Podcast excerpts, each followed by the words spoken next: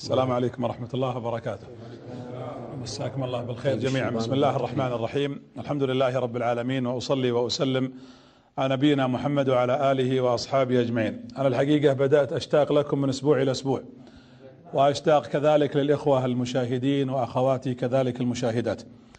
في قضية مهمة يجب أن ننبه عليها في البداية. أنا أتمنى الحقيقة أن يكون فيه نوع من التسجيل لهذه السيرة.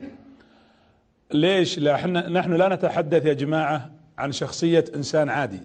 ترانا نتعبد الله جلت قدرته. يعني أنت وأنت تتكلم عن محمد أنت في عبادة.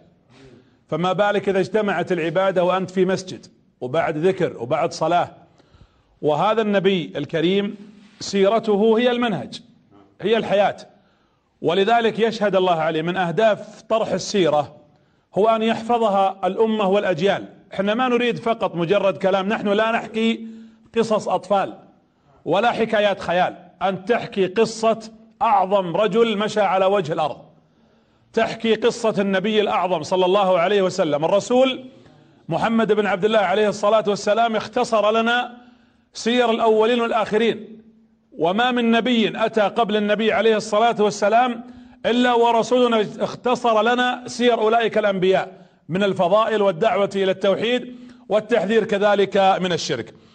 وأكرر واعتذر واعترف. لن نستطيع أن نأتي على كل جوانب السيرة.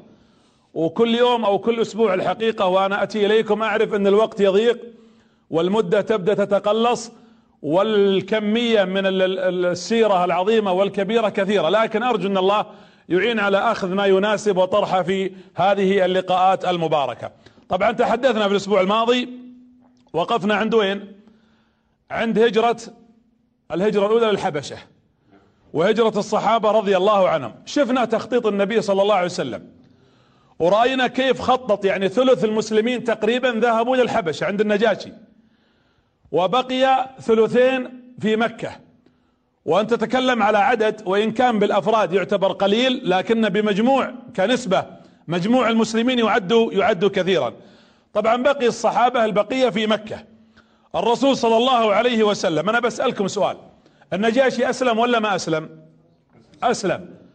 وحسن إسلامه وأخفى إسلامه.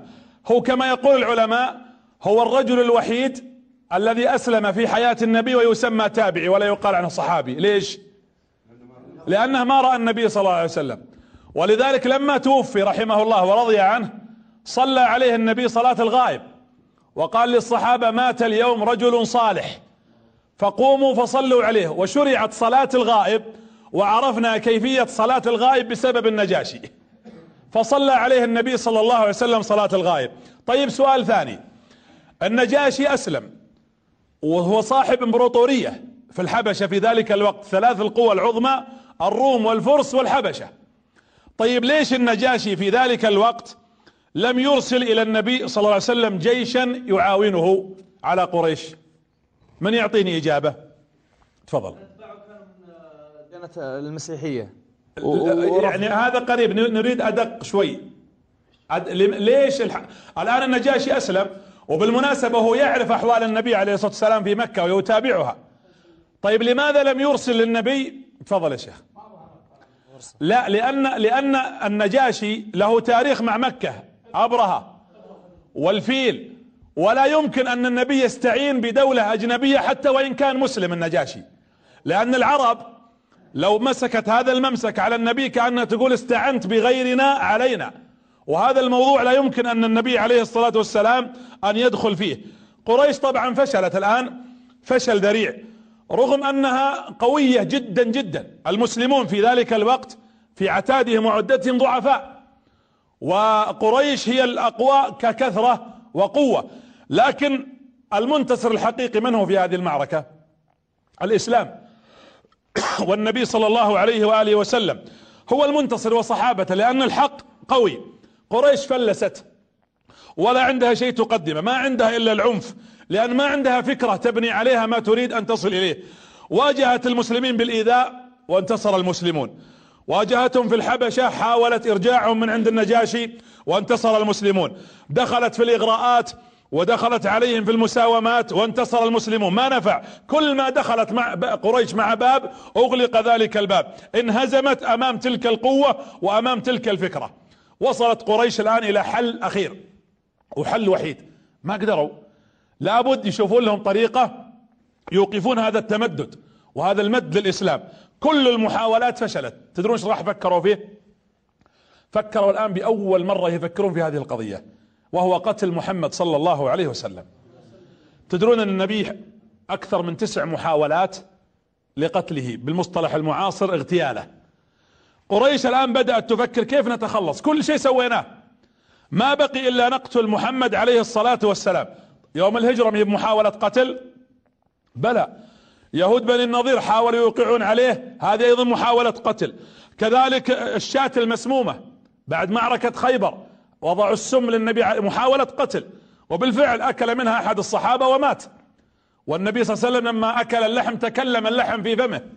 قال أخرجني فإنني مسموم. وإلا كادوا أن يقتلون النبي عليه الصلاة والسلام. وتأثر النبي كذلك مما أكل. أيضا حاولوا أكثر من مرة أبو جهل. حمل حجر والنبي يصلي عند الكعبة وأراد أن يضربه وحاول أكثر من مرة يقتله. يوم فتح مكة فضالة كان يمشي خلف النبي بخفية. ومعه خنجر وضع تحت عباءته. ويمشي خلف النبي ويتمتم. يعني جالس يفكر يتكلم يهوجس. فالتفت الرسول قال ماذا تفعل يا فضالة؟ قال أذكر الله. تسكيته يعني. أنا جالس أذكر الله. فالتفت على النبي قال تعال. فاقترب من النبي ووضع الرسول يده على صدره قال يا فضالة اتق الله. يقول فضالة ففتحت عباءتي وأخرجت الخنجر. قلت واشهد أن لا إله إلا الله وأنك رسول الله. يقول فضالة والله إني كنت أتبع محمد وأكره شيء لي على وجه الأرض هذا الرجل. وكنت عازما على قتله وما إن وضع يده على صدري وقال لي اتق الله إلا وأصبح هو أحب رجل لي على وجه الأرض. فأشهد أن لا إله إلا الله وأن محمدا عبده ورسوله. محاولات جادة اجتمعت الآن قريش وين فيه؟ اجتمعت في دار الندوة. اجتماعات مغلقة اجتماعات سرية. وش تبون؟ ما المطلوب؟ نريد أن نقتل محمد. هذا الاجتماع لاحظوا ترى ما يحضره أبو طالب. لأن أبو طالب هو اللي يناصر الرسول عليه الصلاة والسلام. مع أنه من من كبار قريش لكن لا يحضر هذا الاجتماع. نقتل محمد. سؤال. لو أي أحد من الزعماء أو السياسيين تعرض لمحاولة اغتيال كم يجلسون يحكون عنها في الإعلام ويشغلون العالم؟ يمكن هو يجلس يتحدث عنها يعتبرها واحدة من إنجازاته. النبي عليه الصلاة والسلام تسع مرات ومع ذلك لم يتحدث عن ذلك كله. بل سيأتي كيف النبي عفى عمن أراد قتله. النبي عليه الصلاة والسلام هنا هذه فقط الآن المرحلة ستأتي ثلاث سنوات حاولوا أن يقتلوه على فكرة استقرت عند قريش وحاولوا أن يحققونها. طيب لو الواحد تعرض لعدة محاولات قتل ومع ذلك أنت تعرف إنك لا تح... لا يكون في محاولة قتل إلا أنا ماني براضي عن طرحك ولا ما عندك. فبالتالي تتغير المواقف ويتغير ما لدي ويتتغير الفكرة النبي هنا ثابت. ولا يتغير لا الرسول يقول لن أتغير.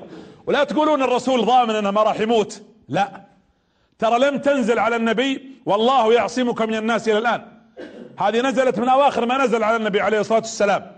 الرسول هي والله يعصمك من الناس نزلت عليه بعد بعد فترة ومعناها يعصمك من القتل. ولا يمكن أن يضمن النبي أنه لن يقتل لسببين. السبب الأول في أنبياء قتلوا قبله ولا لا؟ قتل زكريا واغتيل يحيى فمعناته ممكن يقتل محمد. أيضا النبي عليه السلام أنزل الله عليه وما محمد إلا رسول قد خلت من قبله الرسل. قال الله أفإن مات أو إيش؟ أو قتل. يعني ممكن تقتل. فلا يجي واحد يقول الرسول لا. الرسول مضمون إنه ما راح يقتل. نعم عصمه الله وحماه الله وكان في رعاية الله وتحت عين الله جل وعلا لكن هو لا يعلم عن ذلك صلى الله عليه وعلى آله وأصحابه وسلم. إذا النبي صلى الله عليه وسلم ثابت. لا يتغير ولا يميل ولا يتحرك. وهذه رسالة. أنا أبثها من هذا المقام للمصلحين والعلماء. والدعاة وأصحاب الفكر ومن يريد الإصلاح اللي عنده مشروع نهضوي يبغى ينهض بالأمة. شف الإنسان المتلون هذا المتغير اللي اليوم له موقف وبكرة له موقف وأمس له موقف وكل لحظة يتغير لن يستطيع يحقق نهضة. ولا نجاح. ولذلك أثبت على موقف صحيح ثابت حتى تستطيع أن تقدم ما لديك. وأنا أخصكم أنتم وأخص حتى المشاهير الإعلاميين وغيرهم. انت تسير في طريق. أنت الآن ستخرج من هذا البرنامج تحت مظلة الإعلام المحافظ. نحن نثق إن شاء الله تعالى في هؤلاء المباركين ونعرف أن الإنسان اللي عنده رسالة هدف واقتنع شرب الفكرة مثل ما يشرب هذا الماء بإذن الله لا تزعزعه الجبال. لكن أنا وياك بشر. قد تغرينا الدنيا قد تنفتح قد تكون العروض مختلفة. ولذلك ضع نصب عينيك أن عندي هدف هو أن أرضي الله. إذا كان رضا الله أمامك إعلامي كنت عالما داعية حاكما اميرا مسؤولا غنيا والله لن تتزعزع ما دمت تريد الحق. قريش قررت بجد ما فيه تقتل محمد يعني اقتل محمد. الخبر تسرب وطلع الخبر لأبي طالب. طبعا لابد أنكم تشوفون شيء معين. أبو طالب جالس يناظر الآن كل يوم يجتمعون في دار الندوة وش عندهم؟ هو ما هو أحد اعضائها تخيل أنك عضو في لجنة ولا تدعى. ويدري انهم يجتمعون لكن مش عندهم؟ بدأ أبو طالب يشك يعني فيه ريبة في هذه الاجتماعات. اجتماعات مكثفة مغلقة اجتماعات سرية ولا يدعى إليها. وش فيه؟ لازم أفهم وأعرف ما الذي يحصل. وصلت الأخبار أن قريش تعد لقتل محمد صلى الله عليه وسلم. الحين أبو طالب بدا يراجع الماضي. أبو طالب عند كلمته. ترى بعض الرجال ثرثار. ولا يعد ولا يفي بما وعد. أبو طالب قال كلمة هو مو مسلم صحيح. لكن الكلمة التي قالها التزم بها. ولذلك يقول بعض المعاصرين أو بعض العلماء أن الكلمة هي ما دامت في لسانك فهي أسيرتك. ما دامك صاكن فمك هي أسيرة عندك. لكن إذا طلعت أنت أسيرها. أنت اسير هالكلمة أبو طالب قال عندي وش قال لي محمد؟ امضي يا ابن أخي. لاقفن معك ولاحوطنك بالرعاية والحماية حتى ألقى الله. أبو طالب تذكر هالمقولة. ويعرف إن هالكلام هو قول وفعل. يا شباب هذا مو مسلم وناصر الحق. السؤال الذي أطرحه وش رسالتك للإسلام؟ لما استهزئ مرة في مجلس بالدين والعلماء والفضلاء ولا استهزئ بآية ولا بحديث ولا حصل كلام حول الحق وش كان موقفك؟ ما هو موقفك من نصرة الحق والدفاع عنه؟ هذا سؤال يجب أن تسأل نفسك به وأن تضع له إجابة عملية. أبو طالب هنا قال يا محمد لا تخف. وجام أبو طالب جمع شباب بني هاشم. كل شباب بني هاشم جمعهم أبو طالب. وأعطى كل واحد منهم حديدة قوية. ليش ما أعطاه سيف؟ الحين بيجي الكلام. وقال له خذ الحديدة هذه الآن جالس يخطط خطة. تمسك هذه الحديدة معك وتخفيها تحت عباءتك. وبكرة اتقابل أنا وياكم عند عند الكعبة.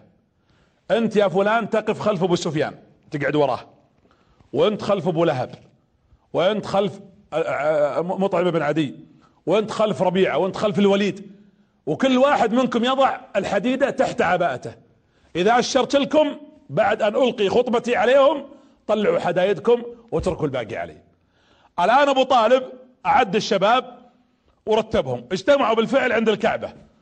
وسادة قريش جالسين. طبعا هو أعطاهم حديد هو لا يريد حرب لأن السيف علامة حرب علامة قتال. هو يريد التهديد والتحذير. انتبهوا. محمد اليوم خط أحمر صلى الله عليه وسلم. خط أحمر. لا يمكن أن نترككم تفعلون ما تريدون.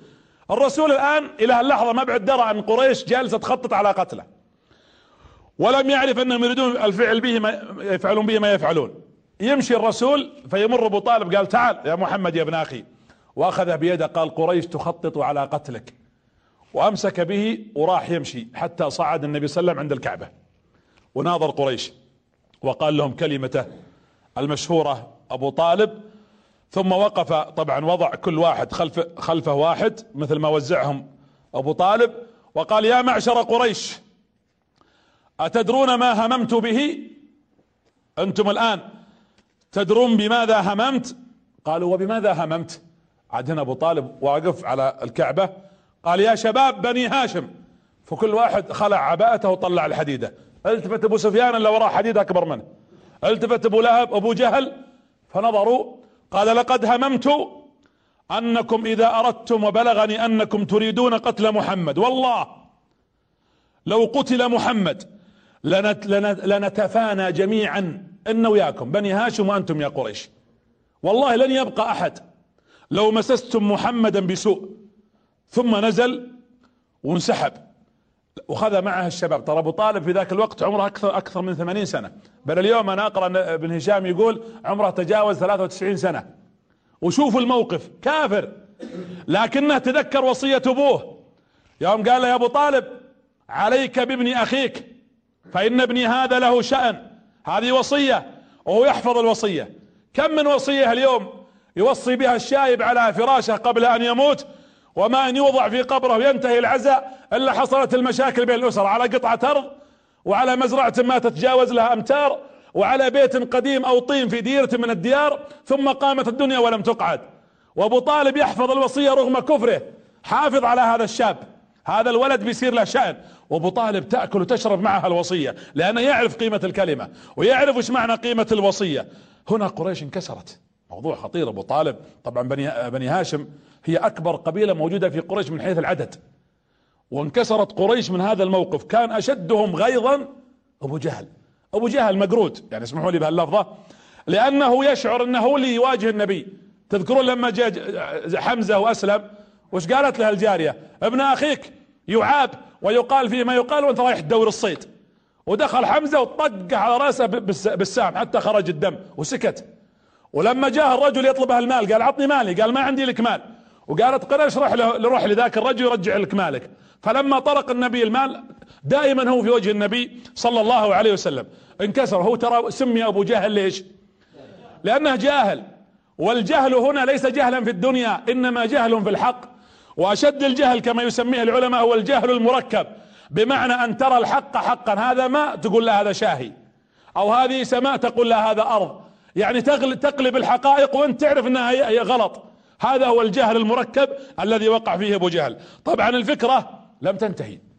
هم صح ارتبشوا لما وقف أبو طالب وقال الكلام القوي لكن فكرة أبو طالب وش سوى؟ الآن بدأ يخطط. ما راح يسكت.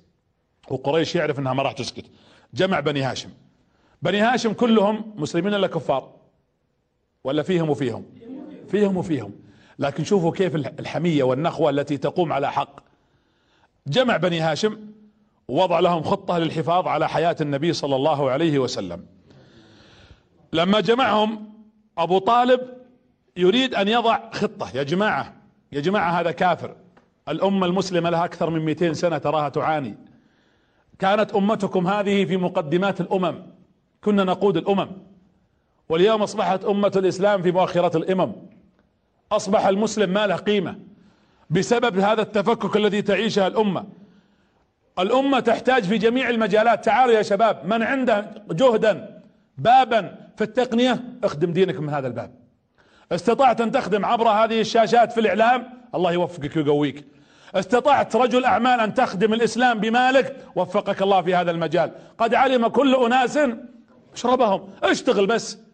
افتح لنفسك باب. اخدموا اخدموا هذه الأمة حتى تنهض الأمة. أبو طالب يريد أن يضع خطة عظيمة. بني هاشم كيف عايشين؟ وين ساكنين؟ سا... أنتم تعرفون طريقة مكة كيف؟ مكة الكعبة في النص وجبال تحيط مكة ولا لا؟ جبال خلفها جبال خلفها جبال. هذه الجبال بينها ممرات صغيرة ضيقة وش تسمى؟ شعاب الشعب نعرفه. بني هاشم هي القبيلة الوحيدة لكثرتها اللي ساكن منهم فوق جبل واللي ساكن في الشعب متناثرين. أبو طالب قال لا هذا الموضوع ما يصلح تعالوا. إحنا نبي نجتمع كلنا. يا بني هاشم ننزل اللي ساكن فوق الجبل نجي تحت. لأن سادة قريش ساكنين فوق الجبل. زي ما نسميها اليوم مصطلحاتنا المعاصرة أبغى غرفة مطلة على الحرم في فندق. ساكنين فوق. قال لهم أبو طالب كل بني هاشم اللي على الجبال والمتناثرين نجتمع نسكن في هذا الشعب. ليش أبو طالب؟ قال نريد أن نحيط بمحمد ونضع له سياجا من قبيلته حتى نحميه. ونعرف الداخل والطالع. لازم نحمي محمد. قريش ستقتله. ومحمد نحطه في الوسط. وحنا نسكن حوله. بالله عليكم تخيل واحد يسكن في أي حي في أي مكان يعتبر من الأحياء الفاخرة أو المتميزة. ثم يجي واحد يقول لك تعالني بنسكن في حي شعبي ولا في مكان ضيق وتترك بيتك الفارغ والمكان الواسع لأجل حماية محمد. طيب ما إحنا مسلمين؟ بعضهم. ولا راح يؤجر أصلا. وش الفائدة طيب؟ ليش أنا أجي وأترك بيتي اللي على على الجبل وربما عندي مصالح حوله ورعي غنم أو غير ذلك ومع ذلك تسكنني في هذا المكان. والله أنا اليوم بالذات جلست أبحث في كتب السير تجديدا للمعلومة. أبغى واحد من بني هاشم قال لا ما وجدت. أجمع أهل السير على أن كل بني هاشم إلا أبو لهب.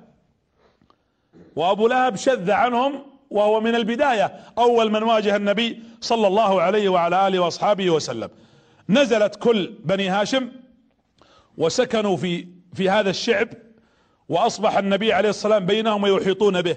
يحوطون بالنبي عليه الصلاة والسلام من كل مكان. ونضمن حمايتنا لمحمد صلى الله عليه وعلى آله وأصحابه وسلم. كم بيجلسون هنا؟ ثلاث سنوات. طبعا هم ما يدرون إنها ثلاث سنوات.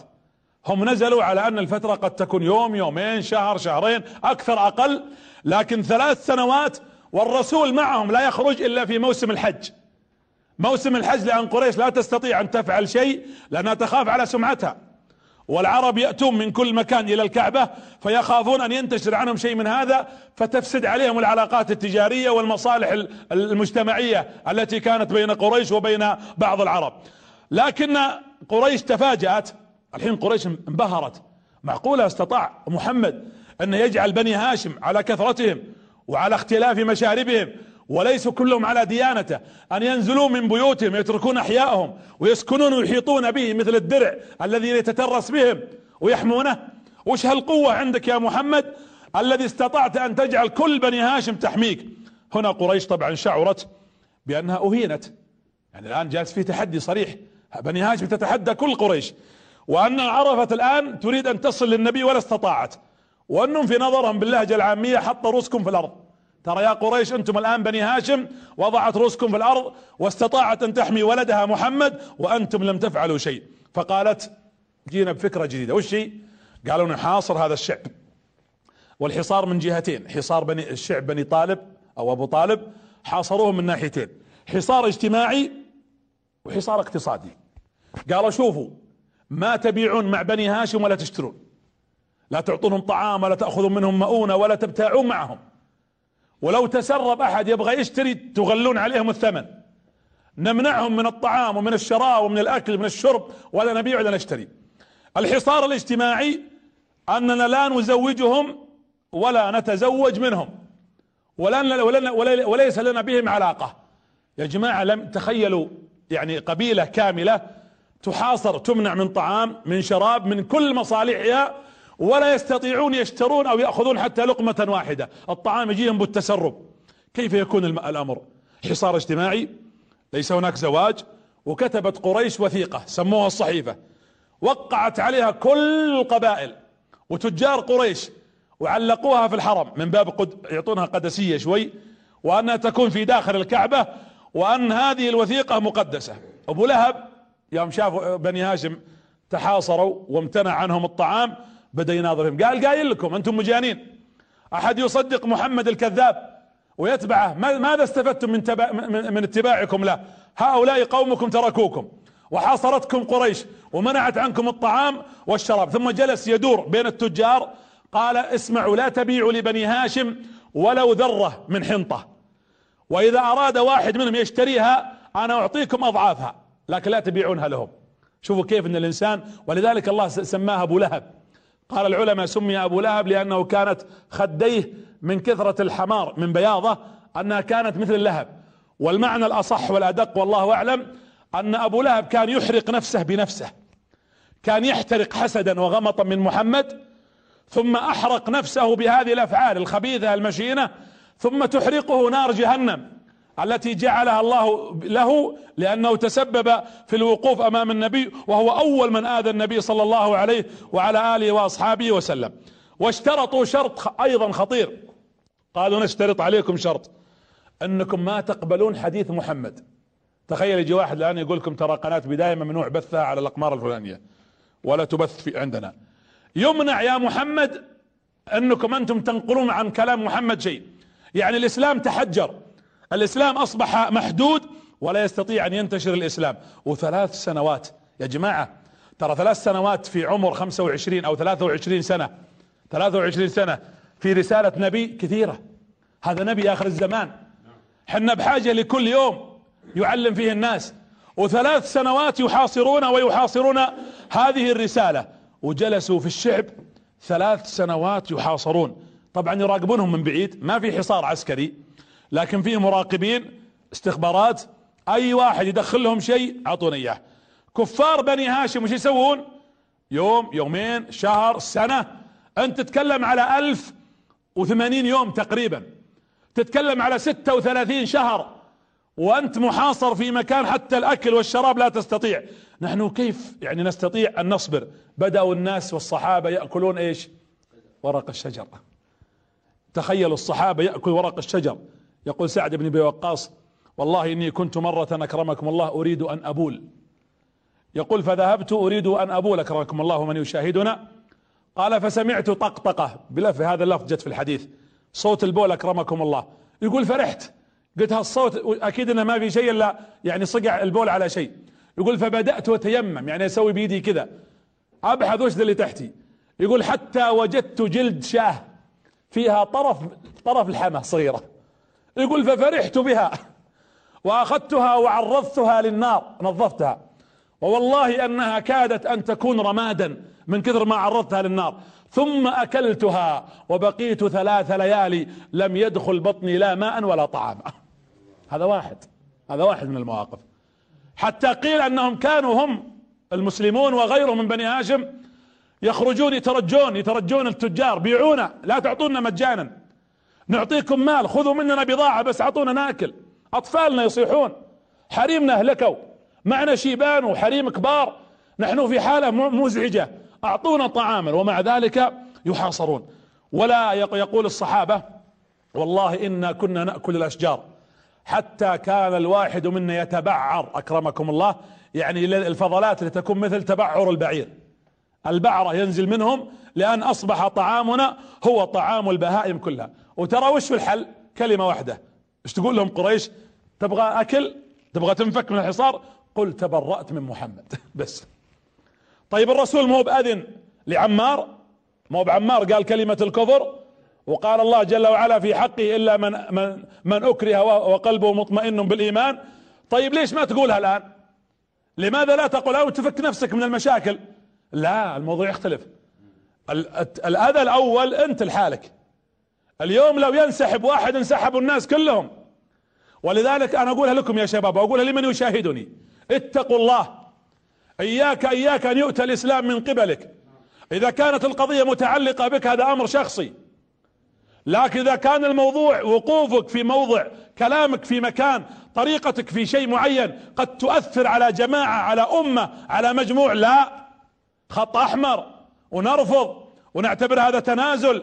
ونعتبره خلل ونعتبره عدم ثبات على الموقف. الأمة تحتاج إلى أحد يثبت على الحق والدين حتى ينجي الله تبارك وتعالى المؤمنين. قولوا تبرأنا ونفككم من هالإشكال اللي أنتم فيه وتخرجون. ويأكلون ذلك الورق ورق الأشجار والأطفال يتباكون ومع ذلك لا أحد. سعد بن أبي وقاص يبحث في بوله أكرمكم الله حتى يدور له لقمة يأكلها. سعد بن أبي وقاص سعد سعد. الذي سيفتح القادسية. هذا سعد رضي الله عنه الذي جاب كنوز كسرى. وأنا اقولها اليوم وأنا جالس أقرأ الحقيقة قلت لولا هذه المواقف ما فتح سعد هذه الفتوحات. لكن هالمواقف صقلت. ولذلك ترى شيباننا والله العظيم خذ الحكمة من أولئك الكبار. قد يكون بعض شيباننا نعم ما قرأ ولا كتب لكن عندهم من الخبرة وعندهم من التجربة في الحياة. اللي ما مارس ما مارسوه أولئك الكبار وعانى وتعب. والله العظيم انني استطيع اليوم اسمحوا لي بعض لا أعمم. بعض عيالنا وشبابنا ما تعتمد عليه يجيب لك مويه من البقالة. ما نبغى شاب رخو ولا نبغى إنسان ما يحمل مسؤولية. نبغى رجل رجل. نبغى رجال لأن لو ليس كل ذكر رجل. ولكن كل رجل ذكر. نبغى رجال. يعرف قيمة المسؤولية يعتمد عليه مبني على كتاب وعلى سنة صقلته الحياة حتى يخرج بحق وأمر يحبه الله ويحبه رسوله صلى الله عليه وسلم. طيب هنا الصحابة الآن لم يستطيعوا أو لم يتزعزعوا في أن يخرجوا ويتركوا النبي صلى الله عليه وسلم. هذا الثبات الثبات اليوم في زمن المتغيرات خطير يا جماعة. شوفوا أنا قلتها لكم في الدروس الماضية. واسمحوا لي ترى في كلام ما ودي أعيده مع إنه مهم لأن الوقت ضيق. اللي عنده فكرة اللي عنده هدف اللي حاط قدامه شيء ينظر إليه يبغى يصل له أقسم بالله صاحب الفكرة يصل. إذا أعانه الله تبارك وتعالى. ولذلك الثبات الثبات. آل عمران ثبتوا ولا ما ثبتوا؟ ولذلك خلد الله ذكرهم في القرآن العظيم. الثبات يحتاج مننا أن نعرف أن هذه الفكرة التي معنا هي فكرة الحق. تريد نهضة؟ عندك فكرة صحيحة؟ لابد أن تضحي ولا بد أن تصبر. اذا الآن يمر على النبي عليه الصلاة والسلام ليالي. اسمعوا في هذا الموطن العظيم. ذكرت هذا لكن أعيد لنا كان في هذا الموقع. قال النبي أخفت ولم يخف أحد وجعت ولم يجوع أحد ووالله لقد مر علي ثلاثين ليلة أنا وبلال لا أجد ما أضعه في بطني إلا لقمة كان يخفيها بلال تحت إبطه. لقمة تخيل يحطها بلال تحت إبطه. في حر الشمس وفي شدة حر مكة. ويدخل بها فيخرجها فينظفها النبي صلى الله عليه وسلم ثم يأكلها. من شدة الجوع حبيبكم صلى الله عليه وعلى آله وأصحابه وسلم. أبو طالب ثابت. كل يوم الثاني وش يسوي أبو طالب؟ يقول محمد تعال. أنت اليوم تنام هنا في هذا المكان وينام. بكرة ياخذه ينومه في البيت اللي في الزاوية. بعده هناك. يقول طيلة ثلاث سنوات ذكر ذلك السير لم يثبت أن النبي نام في مكان واحد ليلتين. أبو طالب يقول ما أقدر انومك هنا مع أننا محاصرين المكان لكن حنا نخاف أنهم أيضا يخترقون أو ربما يكون فيه نوع من الخيانات ثم تقتل في مكانك هذا. ثم أخذه وأصبح أبو طالب كل يوم يضع النبي صلى الله عليه وسلم الرسول هنا يفكر انقطعت أخبار المسلمين في الحبشة. أخبار المسلمين اللي خارج الشعب ما ندري إيش عنهم وش أخبارهم. يؤذون قتلوا أحياء أموات. لا يستطيع النبي أن يلتقي بهم إلا في وقت الحج. أكيد قريش مذهولة. من ويش مذهولة؟ يا جماعة تخيل واحد يحاصرك اقتصاديا واجتماعيا. وأنت صابر تحدي. وقريش تقول ذولي مجانين؟ وقطعا توفي يقول ابن هشام مات عدد من بني هاشم. تخيل شيبان وحريم وأطفال. حصار. تبون أش... يعني موقف مقارب اللي يضع يقع اليوم في سوريا في نظري مشابه بذلك اليوم لما ترى بعض إخواننا في تلك البلدان التي نسأل الله في هذه الساعة أن ينزل عليهم النصر عاجلا غير آجل والله العظيم إن هذا المشهد قد يكون مقارب. حصار أطفال نساء جوع. خديجة رضي الله عنها قريش تحترمها فقالت لها قريش تعالي يا خديجة أما أنت؟ فأنت معززة مكرمة لأنها لها قيمة. أنت نسمح لك تطلعين وتدخلين. تروحين بيتك وتنامين وتاكلين. عمر خديجة في بداية الحصار 62 سنة. قالت خديجة لا والله لا أنفرد بذلك عن المسلمين. قال وش, وش هالدين؟ اللي جعلت حتى هالحرمة اللي مسموح لها. أنها تطلع وتروح تأكل وتشرب أنها تتمسك وتبقى. خديجة تزوجت النبي عمرها كم؟ أربعين سنة. ولما جاءت البعثة كم كان عمرها؟ لا. خمسة عشر سنة يعني كم؟ خمسة وخمسين سنة. حنا الآن في السنة كم؟ السنة السادسة أو السنة السابعة في الحصار كم عمرها يعني الآن؟ 62 سنة. تخيل عجوز وصاحبة مال وصاحبة مكان ومع ذلك ترفض ارتفاع رفضا تاما أنها تخرج. انتصار. الرسول هو الذي انتصر. صحيح إن انتصار غير محسوم هو مرحلي لكنه انتصر بثباته وثبات من معه صلى الله عليه وسلم. خديجة أنهكت وتعبت وأبو طالب أنهك ومات عدد من بني هاشم ثلاث سنوات والناس على هذه الحالة. في واحد اسمه هشام ابن عمرو العامري. هشام كان عنده بعير. يجي يمشي من جنب الحصار يحمل على البعير طعام وأكل. وإذا شاف الناس غابة تجيب البعير في النهار عشان يعرف الدرب. ولا جاء في الليل جابه وأفلته عشان يدخل على على شعب أبي طالب فيأخذ الناس ينزلون من عليه الحمولة اللي عليه فيأكلونها. اكتشفته قريش. وأحضرته وأخذت عليه العهد. قالت آه دخلت في دين محمد؟ قال لا لا ما دخلت. قالوا كيف تدخل بعيرك؟ قال ذهب مني فارا. يعني البعير هو اللي راح مو بنا. قالوا ما عاد تعيدها. قال أوعدكم ما أعيدها. وبعد ثلاثة أيام ما قدر عنده نخوة. فحمل البعير ودخله. فعلمت قريش فضربوه. وخذوا عليه العهد إنه ما يعيدها وواعدهم. وبعدها بأيام أخذ البعير مرة ثالثة وأدخلها عليهم. واكتشفتها قريش فعذبوه وضربوه علما بأنه من كبار القوم. وضرب وعذب حتى وقف أبو سفيان. وقال له كلمة واحدة.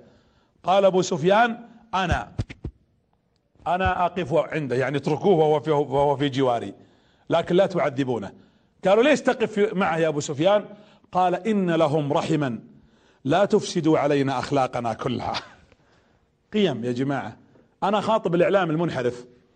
والناس الضايعة هذه اللي تبغى تضيع الأمم بقيم أو لا يوجد أصلا قيم بإشارات وحقيقة تخدش بالأمة وبدينها وعقيدتها وولائها وقيمها ولا عندهم مشكلة. يا أخي ليبقى على قولتهم في العامية استح يا وجه استح يعني أحيانا ليس أنت قد لا تكون في صفي لا تحب الخير لكن لا تهدم جميع قيم الأمة على مصالحك الشخصية. أهم شيء عندك مصلحتك وهدفك البائس وطريقتك العفنة. المؤمن العاقل يجعل لنفسه تفكيرا صحيحا حتى يلقى الله تبارك وتعالى. قال إن لهم رحما. فضرب وحاولوا أن يفعلوا فيه ما يفعلوا لكنه كان ثابتا ولم يستطيعوا عليه. قريش الآن أصبح حالها حال الإنسان البائس الذي ظهر بؤسه وبانت وبان عواره. ثلاث سنوات والصحابة محاصرون. والنبي صلى الله عليه وسلم يفكر في الحبشة وبقية الصحابة اللي خارج الشعب أبو طالب. 360 يوم. في ثلاثة قرابة 1080 يوم تقريبا. 36 شهر. وهم ثابتون والقرآن ينزل. طيب وين جبريل؟ وين الوحي؟ وين الملائكة؟ ليش ما تصير معجزة؟ أنقذ نبيك يا رب العالمين. لا الله له حكمة. فينزل القرآن. طيب وش يقول القرآن؟ ولو شاء ربك لآمن من في الأرض كلهم جميعا. أفأنت تكره الناس حتى يكونوا مؤمنين؟ طبعا الآيات هذه جميلة لكن ما جاني حل للمشكلة. لكن الله يقول لن تكره خلق الله لأن الله يقول لا إكراه في الدين. ثم ينزل على النبي وقل الحق من ربكم. فمن شاء اللي يبغى يدخل الإيمان. فمن شاء فليؤمن ومن شاء فليكفر. وينزل على النبي ولقد كذبت رسل من قبلك فصبروا على ما كذبوا وأوذوا حتى أتاهم نصرنا. ولا مبدل لكلمات الله. وش كلمات الله؟ هذا هو الحق. الحق إنك تثبت على الحق. الحق مو بإنك تصلي لك شهر ثم تترك الصلاة. الحق ليس إنك تعاهد نفسك على أن تترك الحرام ثم ترجع بعد يومين. الحق أن تثبت لأن لا تبديل لكلمات الله. تخيل النبي صلى الله عليه وسلم. طيب ما نزل على النبي على الأقل يقول له جبريل ترى الحصار؟ باقي له شهر وينتهي يصبر وخلاص ما فيه ما في علامة. ينتهي اليوم ينتهي بكرة وينزل على النبي. فاصبر إن العاقبة للمتقين. تعاملوا يا جماعة مع الآيات. إذا مرت عليك فتنة شهوة رغبة نفسية شيطان ضحك عليك الهوى كما قال الشاعر إني بليت بأربع يرمينني من نبل من قوس لها توتير إبليس والدنيا ونفسي والهوى. يا رب أنت على الخلاص قدير. الله قادر أن يخلصك لكن اصبر اصبروا أمام الشهوات. يا بنت يا فتاة يا امرأة يا رجل يا شاب يا كبير يا صغير يا ايا كنت اصبر تجيك شهوة تجيك فتنة. تجيك دعوات للشيطان تجيك رغبات نفسية لكن قف بكل ثبات وينزل على النبي حتى إذا استيأس الرسل وظنوا أنهم قد كذبوا جاءهم نصرنا فنجي من نشاء. طيب لماذا ثلاث سنوات؟ والله يقول اثبتوا على الحق الدين غالي ولا بد من العطاء ولا بد من التضحية. لولا هذا الموقف ما ثبتت الأجيال بعد محمد صلى الله عليه وسلم. لابد أن نروي للجيل أن الدين هذا لم يخرج لم يصل إلا بثبات. كل يوم تقدر تطلع لكن تقول تبرأت من محمد. لكن لا نصبر لأن عندي فكرة. وعندي كذلك مبدأ أريد أن أصل إليه. وهنا فيه نجاح تلو نجاح. بني هاشم الآن احتكوا مع المسلمين ولا ما احتكوا؟ طيب سؤال أن الرسول استغل الفترة هذه في دعوة بني هاشم ولا لا؟ الرسول هنا لم يدعو أشخاص بأعيان تعالوا ادخلوا. ليش؟ طيب فرصة يا رسول الله. ما دام ثلاث سنوات وفي حصار زي اللي عندك ناس مقفول عليكم في سجن فرصتك إنك تعلمه. الرسول هنا أراد إيش؟ أراد أن يعلم بأفعاله وليس بأقواله. ثباتك يا محمد على هذا المبدأ. وهالكفار يشوفونك؟ دليل ان اللي عندك حق. ثبات أصحابك الذين معك هؤلاء حتى النساء. يثبتن على ما أنت عليه. هذه قمة التعليم وقمة الدعوة التي اهتزت بها قريش واهتز بها بنو هاشم. الدعوة بالثبات. وندعو الناس أيضا بالكلمة الحسنة لكن نختار الوقت نختار الطريقة نختار الأسلوب. قريش الآن ملت تفشت على ما يقولون. أبو طالب جامد والنبي ثابت خديجة ثابتة والرسول في الحج يخرج. شوف الرسول يطلع في الحج ترى ما زال في الحصار يطلع بس في السنة مرة واحدة. يروح عند الكعبة ويجي عند الكعبة الله أكبر ويصلي. ويدعو الناس يا محمد أنت مراقب أنت تحت العين قد تقتل لكن هذا إصرار وقوة وتحدي وثبات. وهو يصلي عند الكعبة دخل رجل يقال له عمرو بن عبسة. قال لهم وين محمد؟ وين رسولكم هذا؟ اللي يقول إنه رسول. قال شوف محمد ذاك اللي يصلي عند الكعبة. هذا عمرو بن عبسة عنده عدم قناعة بالأصنام. يقول الاصنام ذي مهي برب أنا ماني مقتنع إنها رب. هذا حجر وصنم وذا المهبل يسجدون يركعون عند هال أنا ماني مقتنع هو ليس مسلما لكنه غير مقتنع بعبادة الوثنية. فلما أقبل على النبي عليه الصلاة والسلام قال من أنت؟ يقصد الرسول. قال له الرسول أنا نبي. قال له قلت وما نبي؟ يعني وش نبي؟ قال رسول الله. قال بما أرسلك. أنت رسول؟ طيب بما أرسلك الله؟ الرسول يعرف كيف يكلم الناس. قال أرسلني بصلة الأرحام وكسر الأصنام. اللي انت الرسول يعرف إنه ما بيحب الأصنام. وشوف كيف الرسول يختار الكلام المناسب. أرسلني بصلة الأرحام وكسر الأصنام. قال ومن معك؟ من معك على الحق. كان أبو بكر وبلال واقفين. على فكرة بلال كان عبد عند من؟ عند أبو بكر. واعتقه أبو بكر. يقول عمر بن الخطاب أبو بكر سيدنا واعتق سيدنا. أبو بكر سيد واعتق سيد. قال من معك في الدين قال معي حر وعبد. يقول فالتفت فإذا أبو بكر وبلال واقفين. وهؤلاء هم ربع محمد. ما في تفرقة. يا أيها الناس إنا خلقناكم من ذكر وأنثى وجعلناكم شعوبا وقبائل لتعارفوا. إن أكرمكم عند الله عند الله أتقاكم. ثم بعد ذلك نظر. هذا عمرو بن عبسة لما نظر هذا الموقف شوفوا يا جماعة أنا قبل كم يوم في مجلس وسمعت كلمة أعجبتني سأستعيرها وأقولها لكم قصة. ذكر أحد الإخوة في مجلس في بيتي يقول إن في أحد الضباط كان يتعامل مع أفراده يتعامل مع الأفراد على أنه ينزل يعني متواضع إلى درجة أنهم يحسون إنه مثلهم فرد ما هو بضابط. فتقاعد أو ذهب من عمله ثم عينوا ضابط ثاني بدالة قائد. فيتعامل معهم أيضا بتعامل آخر تواضع لكن بطريقة ثانية. فلما جو الأفراد وجلسوا مع الضابط الجديد هذا القائد قالوا يا أخي أنت تختلف عن اللي قبلك. أنت عندنا أحسن. قال أنا اللي أعرف إن فلان كان يتعامل معكم بلطف وتواضع. قال هو نزل إلينا حتى شعرنا بأنه فرد مثلنا. لكن أنت ارتقيت بنا حتى شعرنا ان ضباط مثلك. أنت رقيتنا لمستواك فوق.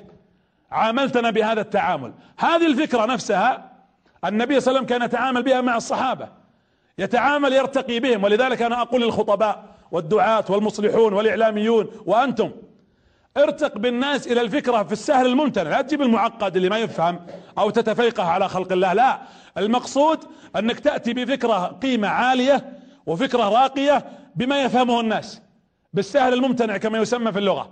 وبالتالي تكون وصلت وصلت الناس إلى الأعلى لأننا أمة نرتقي من موقع إلى إلى موقع آخر. شاف العلاقة عمرو بن عبسة بين الفقراء والأغنياء؟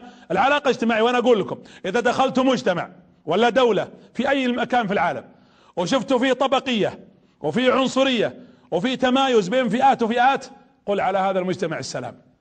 المجتمع الذي ليس مجتمعا مندمجا ومجتمع يدخل بعضه ببعض بمعنى يكون فيه نوع من التساوي والعدل والإنصاف على مستوى القضاء على مستوى التدريس على مستوى الصحة. لماذا لا يعالج في بعض المستشفيات إلا ال VIP ولماذا لا يدرس في بعض الجامعات إلا أبناء فئة معينة؟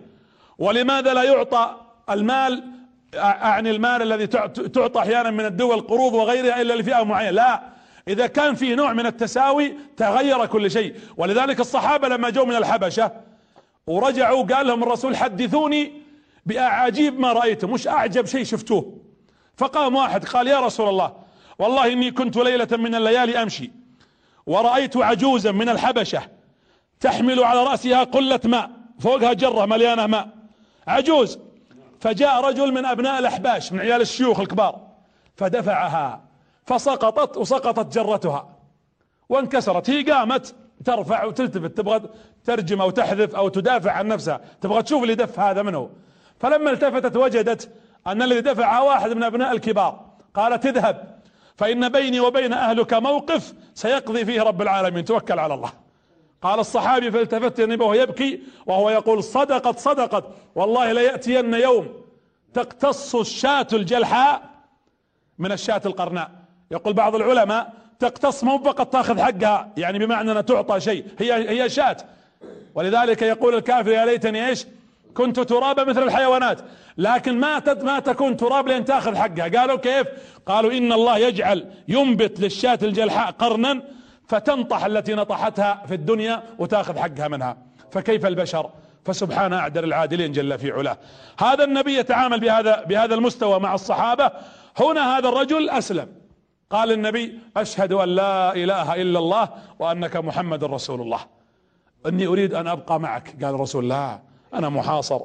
أنت شفتني الحين عند الكعبة ترى برجع أنا مسجون. في مكان بروح برجع له. أقول اذهب إلى أهلك واذهب إلى بلدك. ولا ترجع. اصبر. ولا ترجع إلينا إلا إذا سمعت أنني طلعت على ظهر الكعبة. إذا وصلتكم الأخبار أن رقينا على ظهر الكعبة عود لنا.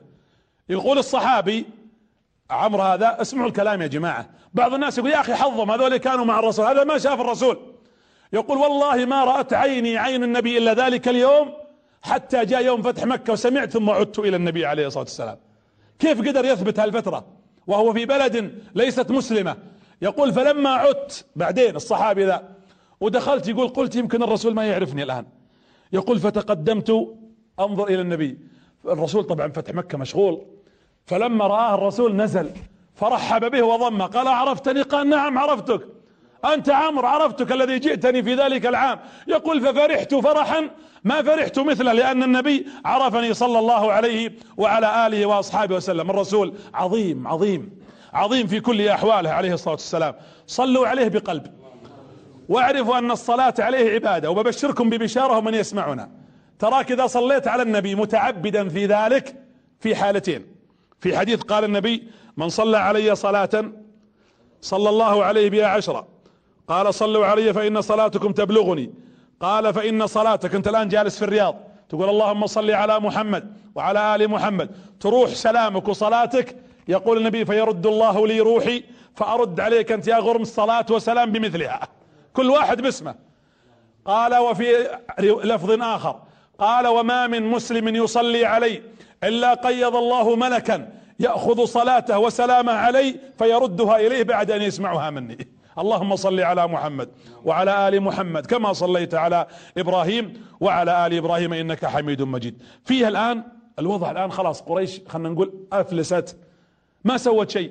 الحصار وحصل والناس متمسكة الجوع تم والناس ثابتة. وش نسوي؟ قالوا بعض القريش العقلاء نطلع خلاص هذا حصار فشلنا عند العرب ومحمد هذا ما استفدنا شيء من حصاره. فقام ثلاثة مطعم بن عدي وأبو البختري بن هشام وهشام بن عمر العامري هذا اللي ضرب يوم كان يدخل الطعام صاحب الناقة.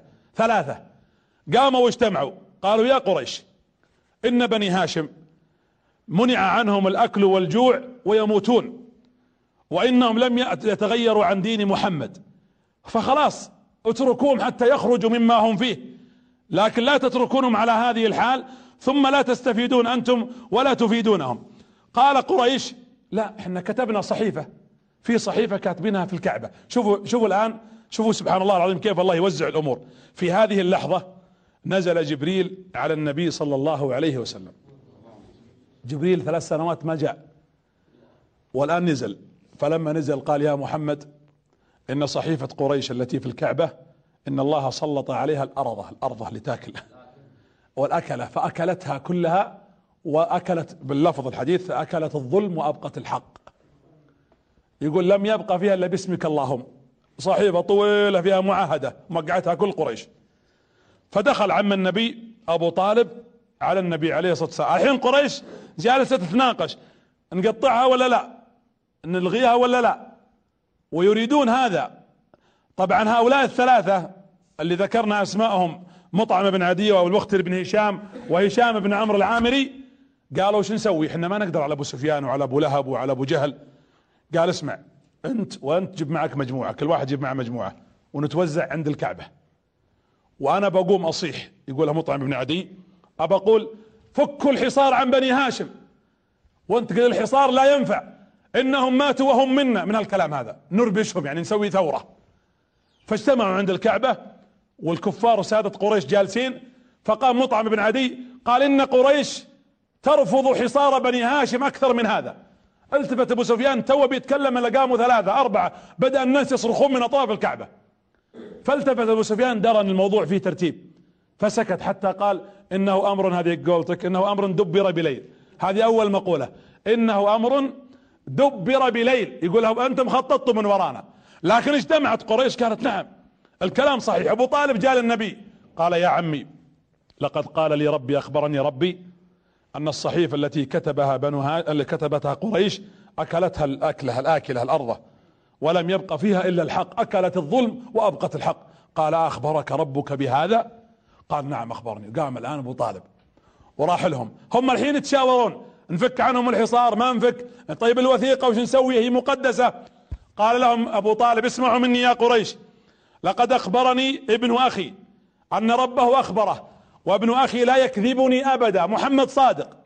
أن أن صحيفتكم التي علقتوها في الكعبة أكلتها الدود الأرض هذه جنود الله سبحانه وتعالى. ولم يبق فيها إلا حق. قالوا طيب لو فتحنا باب الكعبة إحنا داسينها من ثلاث سنوات ما دخلنا عليها. لو فتحنا باب الكعبة ووجدناها لم تؤكل. قال إن أكلتها الأرض ففكوا ما نحن فيه. فإن ابن أخي لا يكذبني أبدا. فادخلوا وفعلا وجدوا أن أن الصحيفة قد أكلتها الأرض الآكلة كلها ولم يبق فيها إلا باسمك اللهم. وفقط هذا الحق الذي بقي. الآن تيقنوا يقين. يا جماعة اللي يدبر الكون من؟ الله. اللي جعل السكين الحادة اللي تقطع لما جاء إبراهيم يضعها على عنق إسماعيل ما تقطع من؟ الله. الله اللي قالها لا تقطعين لا تذبحين. هي سكين حادة. لما حطها إبراهيم على عنق إسماعيل يحركها يمين يسار ما قطعت. اللي جعل النار التي تحترق بردا وسلاما على إبراهيم وغير خاصيتها نار تحرق الأخضر واليابس. لكن يرمى فيها إبراهيم بكل بساطة لأن أمر الله إنما أمره إذا أراد شيئا أن يقول له كن فيكون اللي يغير النار إلى أن تكون برد وسلام من هو؟ الله جل في علاه. الذي قال للحوت ابتلعي يونس ولا تأكليه من هو؟ الله جل في علاه. الذي جعل البحر يبسا يمشي عليه موسى عليه السلام من هو؟ الله جل يمشي عليه فرعون ثم يغرقه ثم يمشي موسى ولا يأتيه شيء. هو الله جل في علاه. الله جل وعلا قادر أن يغير الأمور وهو سبحانه وتعالى يجعل كل أمر. الله جل وعلا لو تقرون قوله جل وعلا والسماء في قوله إذا السماء انفطرت وإذا الكواكب انتثرت وإذا الجبال سيرت. اللي يسير الجبال من؟ واللي ينسف الأرض من؟ واللي يسجر البحار من؟ الله ليس قادر على أن يزيل همك ويبعد عن المريض مرضه. والله يا جماعة من توكل على الله ولو تجمعت عليه مشاكل الدنيا. وأنا أخاطب من هذه القناة. كل مريض يسمعني الآن على فراشه ويئس من مرضه. أقول اصبر فإن الله قادر جل في علاه أن يرفع عنك هذا البلاء. وأقول للمسجون الذي يراني وهو خلف زنزانته اصبر فإن الذي أخرج يونس من بطن الحوت قادر على إخراجك. أقول لكل مسلم ولكل إنسان أصيب بهم إن الله يخرج الأمن من قلب الخوف. الله يقول لأم موسى فإذا خفت عليه؟ قال لها تصكي عليه الباب. ألقيه في اليم. أخاف عليه وألقيه في اليم. نعم الله يخرج الأمن من قلب الخوف. الله جل وعلا هو الذي أخرج الإيمان من قلب الكفر فالتقطه إيش؟ آل فرعون. التقطه آل فرعون. واخرج الله موسى من قلب بيت الكفر فرعون لأنه كان مؤمن. الملك لله جل في علاه علاه. كفرت قريش وفشلت مرة ثانية وثالثة وعاشرة. ولينتصر الحق والنبي يخرج منتصرا عليه الصلاة والسلام. خرج النبي وخرج الصحابة من الحصار. الصحابة أنهكوا. وعائشة خديجة رضي عنها منهكة جدا. الله يقول بل نقذف بالحق على الباطل فيدمغه فإذا هو زاهق ولكم الويل مما تصفون. ثم بعد ذلك أيها الأحبة يخرج النبي عليه الصلاة والسلام إحنا الآن في أواخر السنة التاسعة. كبار الذين خرجوا من, من, هذا الحصار منهكين. ترى أبو طالب توفي بعد الحصار هذا وخديجة توفيت بعد هذا الحصار. أنهكت عمرها الآن 65 سنة لما انتهى ذلك الحصار. وخرجت متعبة رضي الله عنها وأرضاها. ايذاء يفكرون في ايذاء النبي أكثر من مرة وأكثر من طريقة. لكن نبيكم عليه الصلاة والسلام الآن ينظر. خرج النبي صلى الله عليه وسلم بعد الحصار يفكر. وفجأة يأتيه عقيل قال تعال يا محمد أدرك. خير. قال أدرك عمك فإن أبو طالب يحتضر الآن. يا الله شوف المصيبة. يعني وفاة أبو طالب في ذا اللحظة طبعا موقف صعب. يقول النبي صلى الله عليه وسلم فدخلت على عمي. وكان عنده أبو جهل وأبو لهب. يقول فنظرت لأبو طالب يقول فوقف النبي قلت يا عم يا عم أريد منك كلمة. قال له أبو طالب قل وأبيك عشر كلمات. قل عشرة ما هي بوحدة. قال يا عم قل لا إله إلا الله. قال أما هذه فلا. إنهم كانوا إذا قيل لهم لا إله إلا الله يستكبرون. قال يا عم قلها يا عم. كلمة أحاج لك بها عند الله. أنت دافعت عني. وحميت الإسلام. يا عم قل كلمة أبغى منك الكلمة ويلتفت عمه الا أبو جهل وابو لهب. قالوا أتصبأ عن دين آبائك وأجدادك؟ قال لا أقولها. ومات عمه على الكفر. حتى قال النبي خرج النبي يبكي. علي بن أبي طالب كان برا. أبوه اللي ميت. فخرج النبي يقول علي فرأيت النبي قد وضع يده ودموعه. يقول تسري على خده. يبكي لأنه مات على الكفر. يقول أبو طالب فضممت النبي وجلست أبكي معه. والله ما بكيت على وفاته بقدر ما بكيت أنه مات على الكفر. فرأيت النبي يبكي يقول تمنيت أنه قالها يا ليته قالها يا ليته قالها.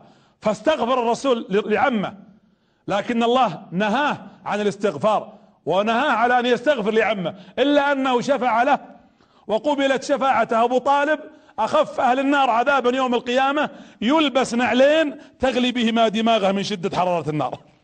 فقط هذا التخفيف لأنك دافعت عن هذه الرسالة ودافعت عن محمد بن عبد الله ويتألم النبي صلى الله عليه وسلم تو طالع من الحصار وأبو طالب يعد الواجهة الرئيسية أمام هؤلاء المجرمون. أسبوع والرسول في حزن. فإذا بالأمر يختلف جالس النبي صلى الله عليه وسلم يفكر وينزل عليه جبريل فلما نزل جبريل قامت خديجة وأخذت طعاما. صنعت صنعت طعاما في البيت وأخذت الطعام تبحث عن النبي سألت عنه في ثلاث أماكن. كل ما راحت قالوا لها شوفي الرسول هناك. تقول فأتيت فإذا به عند الجبل عند جبل الصفا. فتقدمت خديجة ومعها الطعام وهي تمشي طاحت. عجوز كبيرة فسقطت. جبريل الآن يتكلم مع النبي صلى الله عليه وسلم. فسكت جبريل. قال إن خديجة قد أقبلت. وتأتي خديجة فتدخل. فإذا بخديجة تأتي فيضمها النبي صلى الله عليه وسلم. يا سلام على العلاقة الزوجية الحميمة. هذا الحب الشريف. شوفوا خديجة تموت في حضنه. وهو يموت في حضن من؟ في حضن عائشة. بسأل سؤال يا إخواني المشاهدين ولكم. شلون علاقتنا مع حريمنا ونسائنا؟ ليش الواحد مننا إذا صارت علاقته بعد ثلاث أربع سنوات تغيرت العلاقة بينه وبين زوجته؟ علاقة زوجية امتدت 25 سنة. كلها حب ووفاء. وتنبض عن محبة وقرب. فإذا بالرسول ينظر إلى خديجة تعبانة فجبريل نزل. الآن جبريل لاحظوا أول مرة ينزل جبريل على النبي ما ينزل بقرآن ما معه آيات. وش تبي يا جبريل جاي؟ أنا أتيت أخبرك أن الله يقرئ خديجة السلام. في سلام معي تحية أنا جاي أوصلها. من من؟ قال يا محمد أقرئ خديجة من الله من ربها السلام. وخديجة دخلت على النبي واحتضنها. فقال يا خديجة إن جبريل هنا. وجلست. قالت إنه يقرئك من الله السلام. الآن النبي صلى الله عليه وسلم يقرئ خديجة ويخبرها بسلام النبي بسلام الله تبارك وتعالى. قالت خديجة رضي الله عنها وأرضاها هو السلام ومنه السلام. ثم قال جبريل وأقرئها مني السلام حتى أنا سلمني عليها. قال وإن جبريل يقرئك السلام.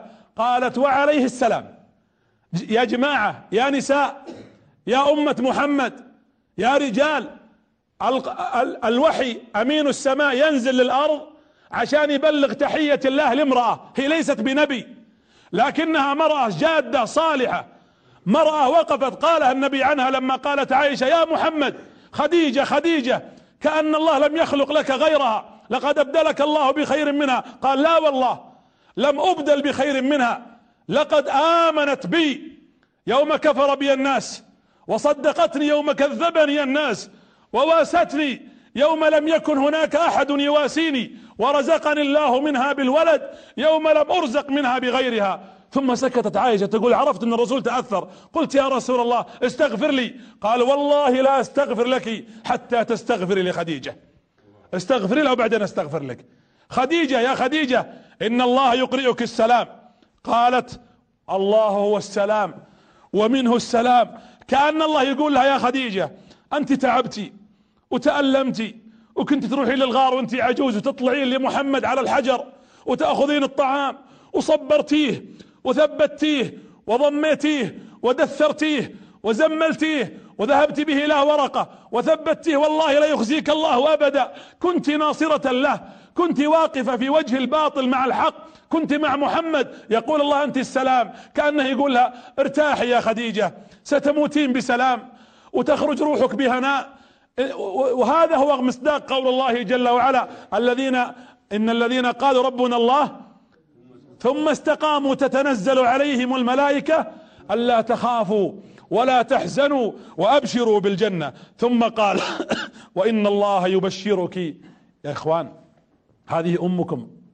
أمك أمك أنتم حاسين فيها؟ قولوا أمي خديجة.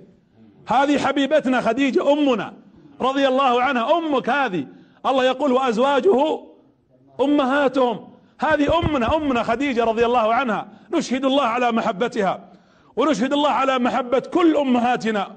زوجات النبي أمهات المؤمنين. هذه أمنا أمنا خديجة. يا مرة يا فتاة يا بنت يا كل امرأة. اقتدي بهذه الأم أمك خديجة. ينزل عليها جبريل ويخاطبها النبي عليه الصلاة والسلام برسالة جبريل. ثم يقول لها الله يقرئك السلام. ثم يقول وبشرها ببيت في الجنة. من إيش؟ من قصب. القصب على شكل الغار. جاي كذا شكل العش. لأنك كنت تجين عند محمد في الغار. تقول كان الرسول يتعبد الليالي العدد يقعد الأيام العدد في الغار. وكانت تجلس معه فترة من الأيام. جلوسك هنا وتثبيتك لمحمد عوضك يا خديجة بيت في الجنة. وقال بعض العلماء لأنها فتحت بيتها للنبوة واستقر النبي في بيتها أبدلها الله ببيت في الجنة. ولأنها تعبت تعبت في الدنيا قال لها الله بيت يقرئك السلام ويبشرك ببيت في الجنة من نصب من قصب لا تعب فيه ولا نصب. ما عاد فيه التعب اللي مر عليك. يا خديجة ليس فيه نصب بإذن الله جل في علاه. أسألكم سؤال. تتوقع لحظة الموت إذا نزلت عليك؟ بتنزل عليك مثل ما نزلت على خديجة بسلام؟ ترى خديجة ماتت فيها اللحظة فقام جبريل وخرج. وقام النبي فاحتضن خديجة. وأخذت تقول له الكلمات الجميلة. قالت يا محمد والله لن يخزيك الله أبدا. والله لن يخزيك الله أبدا. إنك تصل الرحم.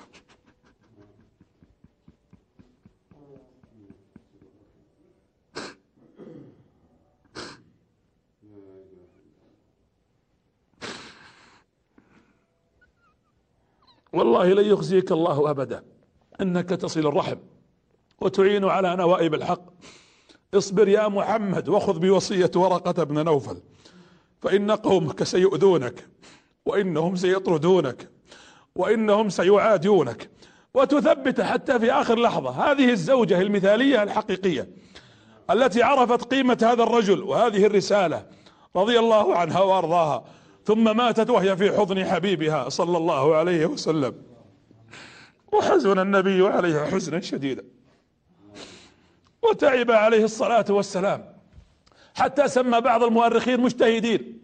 هذا العام بعام الحزن. لو أنا وأنت بيدنا اختيار موت أبو طالب وموت خديجة يموتون الآن؟ لو كان الاختيار عندنا أخرناهم إلى بعد ذهاب النبي إلى المدينة إلى بعد فتح مكة لكنها حكمة الله جلت قدرته.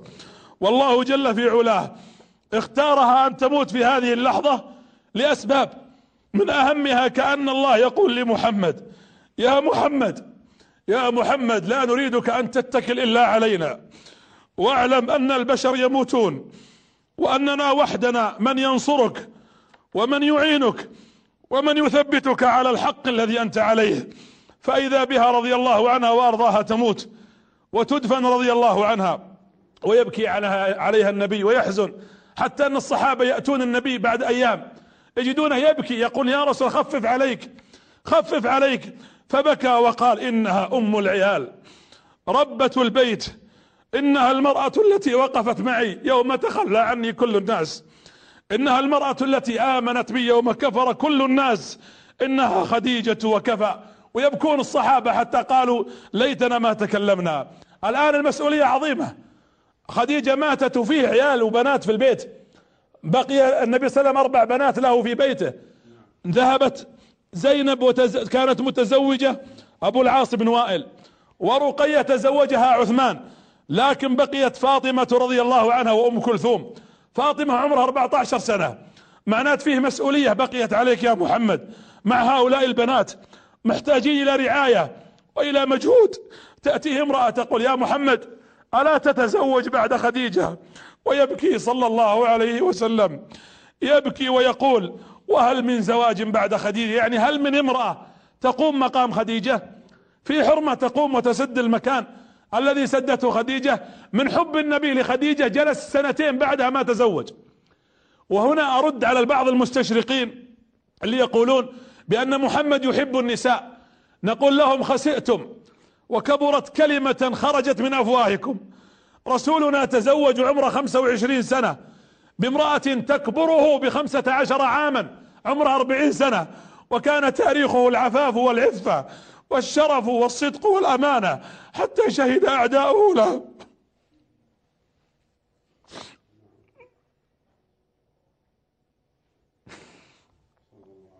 ثم بقي عليه الصلاة والسلام عامين. وأول من تزوج بعد خديجة. تزوج بسودة بنت زمعة لأنها جاءت مع المهاجرين من الحبشة. ومات زوجها. وكان عمرها يوم أن تزوجها النبي ثلاثة وثمانين سنة. إنها جرأة على الله ورسوله. النبي لم يتزوج إنسانا قبل النبوة إلا خديجة وما تزوج بقية زوجاته بعد سودة وعائشة. البواقي من النساء الثمان إلا بعد غزوة بدر حتى توفي صلى الله عليه وسلم. وكل الزواج كان لأغراض تخص الرسالة. النبي عليه الصلاة والسلام مات أبو طالب. أبو طالب كان يحميه في الخارج. وماتت خديجة كانت تحميه في الداخل داخل البيت. تحتضنه وتطبطب عليه وتمسح على رأسه. وهذا اختيار الله جل في علاه. لكن الله يقول لمحمد يا محمد يا رسولنا ويا حبيبنا نعلم أن هؤلاء يقفون معك. لكن فتوكل على الحي الذي لا يموت. توكل على الله. إنك على الحق المبين. ويخرج النبي يمشي في الشارع وفي السكك. وأول ما راه كفار قريش بعد وفاة أبو طالب اخذوا التراب وحثوه على وجهه وشتموه وكان يمسح عن وجهه ويبكي ويقول يا عمي ويا خديجة ما أشد الوجد من بعد فقدكم؟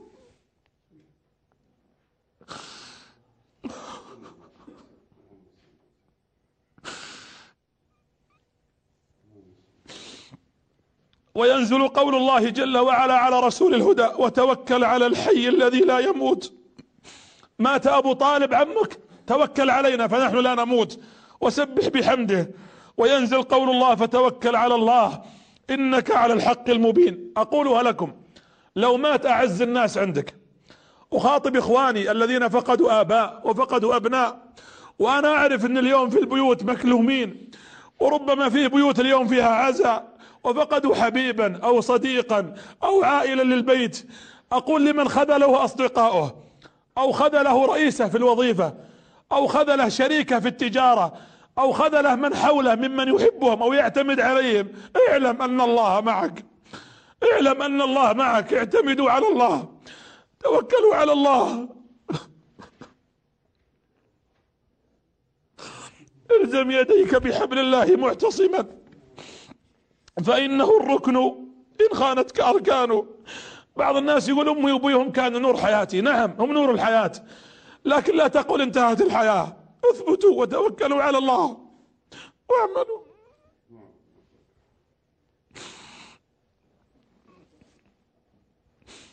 أراد الله أن يموت أبو طالب في هاللحظة وخديجة أيضا لسبب. حتى لا يأتي من يقول هذا الدين ما قام إلا على النخوة وعلى الحمية وعلى القبلية والعنصرية. لا هذا الدين قام على الحق وعلى المبدأ. سنظل نرعاك يا محمد وإن مات أبو طالب. أنا أقول الآن اليوم وقعوا اتفاق. أعط وكالة. لو جاك واحد قال أبغى منك وكالة وأردت أن توكله تروح عند كتابة العدل فتوقع له عند القاضي ويختم عليها. كاتب العدل. وأنت لا تشكك في هذا الوكيل. في أحد منكم يشكك في الوكيل رب العالمين؟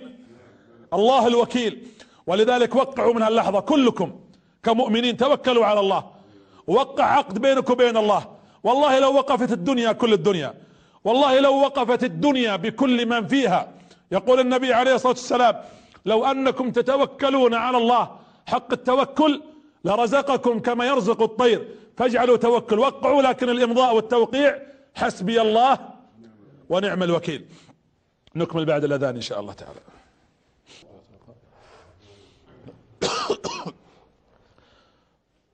ويحزن النبي صلى الله عليه وسلم وينزل الله جل وعلا عليه واصبر لحكم ربك فإنك بأعيننا. نعم تموت خديجة يموت أبو طالب قد تظلم الحياة أحيانا في وجه إنسان لكن الرسول يعمل. وأخذ شعاره رب المشرق والمغرب لا إله إلا هو فاتخذه وكيلا. لا تبحث عن غير الله. إذا أصبت بأي مصيبة في الحياة إذا تكالبت عليك الأعداء إذا اجتمعت عليك الهموم إذا تكالبت عليك الديون إذا مرض الأصحاب والأصدقاء والأبناء إذا تخلى عليك أي تخلى عنك أي أحد اصبر. فإن الله جل وعلا معك. خطط النبي صلى الله عليه وسلم الآن وفكر أن يخرج إلى الطائف. يذهب الآن للطائف لأن الدعوة الآن في مكة لم تقبل. وأبو طالب مات وخديجة ماتت رضي الله عنها. ولم يجد النبي صلى الله عليه وسلم من يناصره. ورسولكم عليه الصلاة والسلام يريد أن يبلغ دعوة الله ورسالة الله. فينطلق في الآفاق. كان يقول الوليد ابن المغيرة ويقول لماذا ينزل الدين أو الحق أو جبريل أو الرسالة عليه هو على محمد ولم تنزل عليه أنا أو على كبير ثقيف في الطائف؟ فأنزل الله جل وعلا وقالوا لولا أنزل هذا القرآن على رجل من القريتين عظيم. قال الله أهم يقسمون رحمة ربك؟ نحن قسمنا معيشتهم.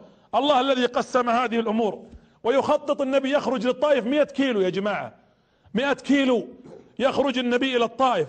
صحراء جبال ليست صحراء. خمسة آلاف قدم ارتفاع الجبال. والرسول يذهب الآن على رجليه. ليش ما ركب ناقة؟ لو ركب النبي ناقة ولا دابة وعلمت قريش إنه راح على دابة معناته راح مكان بعيد. لكن يروح على رجليه عشان يعتقدون إنه رايح قريب وبيرجع. فإذا بالرسول أيضا يخطط تخطيط بعيد يريد أن يلتقي بزعماء الطائف. يبغى يطلب منهم الحماية.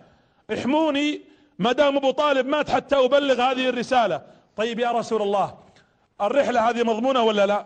لا مين مضمونة. احتمال تقبل واحتمال لا تقبل. احتمال يأتون ويرحبون واحتمال يرفضون. طيب إشكالية. طيب لو عرفت قريش إنك طلعت.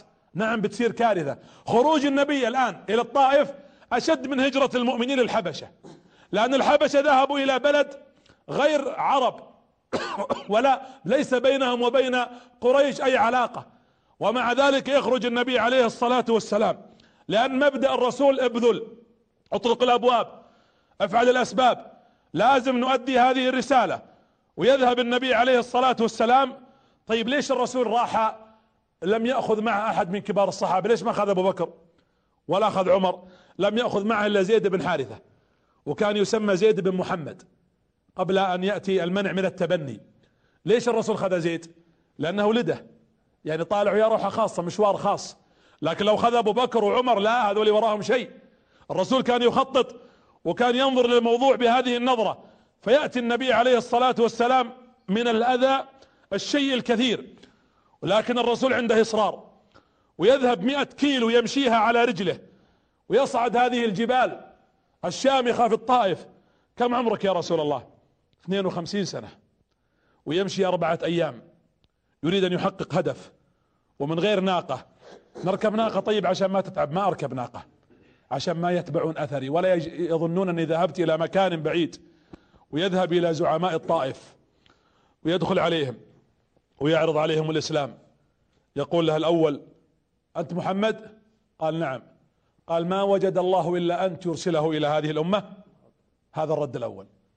يأتي للثاني ويعرض عليه الموضوع. قال أنت محمد؟ قال نعم. قال إما أن تكون نبي فأنت أرفع أن تكلمنا. وإما أن تكون كذاب فنحن أرفع أن نكلمك ونرد عليك. ويلتفت للثالث قال له والله لو رأيتك متعلق في أستار الكعبة وتقسم أنك نبي الله ما صدقناك وش تبي؟ الرسول صدم من هذه الردود. وقال طيب ما دامكم لم تقبلوا أن تحموني فأريد منكم امرا. قالوا وشو؟ قال لا تخبروا قريش بأنني طلبت منكم الحماية لأجل بلاغ الدعوة. قالوا هذا أول شيء راح نسويه. اذهب يا فلان على فرسك ولا تقف إلا عند قريش وأخبرهم أن محمد عندنا يريد منا أن نحميه عشان يقف في وجوهكم. قال لهم الرسول الله يعيني على ما ذكرتم لكن اتركوني أعود وأطلع. قالوا لا. ولا تخرج الآن سالما. نادوا سفهاء الطائف. ونادوا صبيانهم.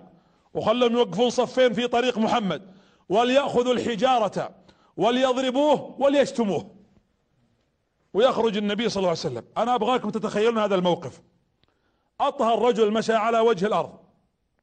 وزيد بن حارثة يقول وأنا أشوف السفهاء المجانين يرجمون النبي بالحجارة. ويحذفون عليه حتى نعلهم ويتلفظون عليه بأبشع الألفاظ. يقول فوضعت نفسي على النبي يتترس بي يعني مثل الترس عليه حتى أحفظه من الضرب. يقول ويأتيني الحجر والدم يسيل مني ويسيل على رسول الله عليه الصلاة والسلام. والنبي يمشي ويركض وتنجرح رجلاه الشريفتين ويصب الدم من رجلي النبي صلى الله عليه وسلم. عمره 52 سنة. ومعه رسالة والسفهاء والأطفال يرجمونه ويحذفونه ويتكلمون. يقول زيد فتمنيت شيئا نستظل بظله أو مكان نلجأ إليه ليس خوفا على نفسي ولكن خوفا على حبيبي صلى الله عليه وسلم. يقول فوجدنا بستان فدخل النبي في هذا البستان ثم جلس وإذا بالدماء تنزف من رجليه عليه الصلاة والسلام. يقول فجلست أمسح الدم عنه فوقف عليه الصلاة والسلام. يقول هو لعائشة لما سألته عائشة يا رسول الله أي الأيام كانت شديدة عليك؟ قال يوم كنت في الطائف في قرن الثعالب لقد همت على وجهي يمشي يهيم على وجهه. وقال بعض العلم في الرواية فيها مقال لكن هام النبي على وجهه فإذا به يرفع كفه يظن زيد أنه سيدعو عليهم بالهلاك. أو بالهدم أو بالغرق أو بغير ذلك. فإذا به يناجي ربه ولا يشكوه ويقول يا رب اللهم إني أشكو إليك ضعف قوتي وقلة حيلتي وهواني على الناس. أنت رب العالمين وأنت ربي ورب المستضعفين. يا رب إلى من تكلني إلى عدو يتجهمني هؤلاء أهل الطائف. أم إلى قريب أهل مكة ملكتهم أمري؟ إن لم يكن بك غضب علي فلا أبالي. أعوذ بنور وجهك الذي أشرقت له الظلمات. وصلها عليه أمر الدنيا والدين. أن ينزل بي غضبك. الرسول يقول يا رب أنا خايف أن اللي حصل لي عقاب منك وأنها غضب وأنا أقول من هذا المكان. أين الذين يسهرون الليالي على المعاصي ومحاربة الله؟ أين الذين يحاربون الله الليل والنهار؟ يحاربونه بكل ما يملكون ولا يقولون أننا نخاف من غضبك. والرسول يقول اللهم إني أعوذ بنور وجهك الذي أشرقت له الظلمات وصلها عليه أمر الدنيا والدين أن ينزل بي غضبك أو يحل علي سخطك. يا ربي لك العتبى. لك العتبى يعني الاعتذار أعتذر إليك وأتوب إليك حتى ترضى. ولا حول ولا قوة إلا بك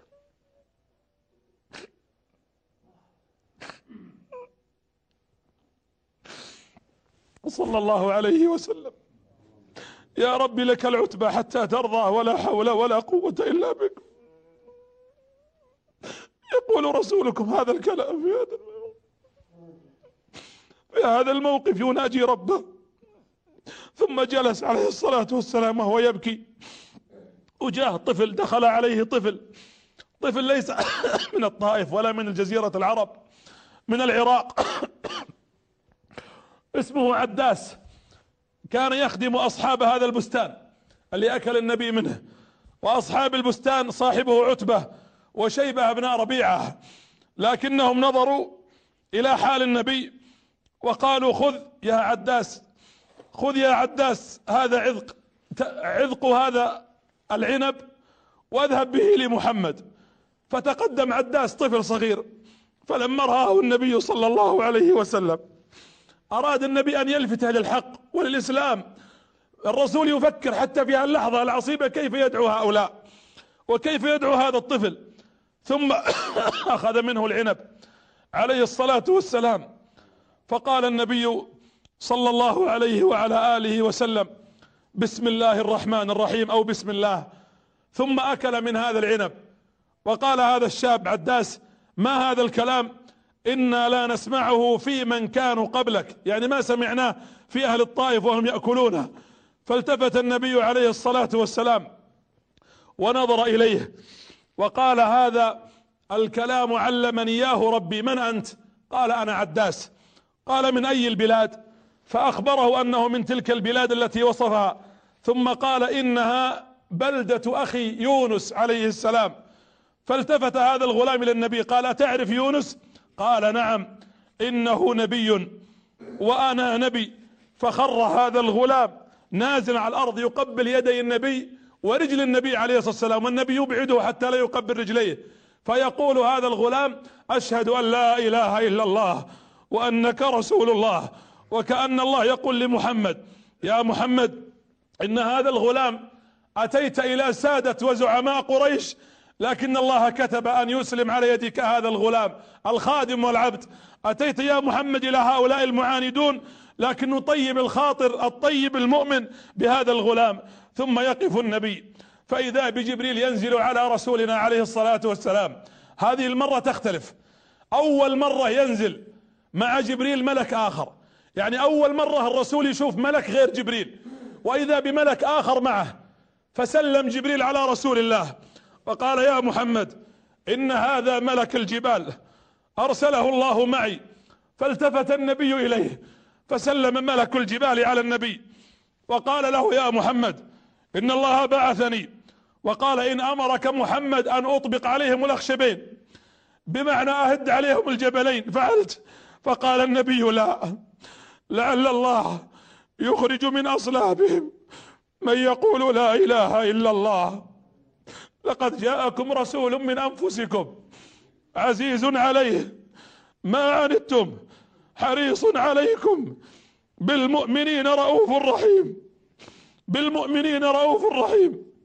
فإذا بالرسول يمشي ولما اقترب من مكة وقف يصلي الليل يقوم الليل عليه الصلاة والسلام ورجلاه قد جرحت وقد رجع من هذه الرحلة التي حصل فيها ما حصل. يقوم ويصلي الليل وصدق الله فإذا فرغت فانصب وإلى ربك فارغب.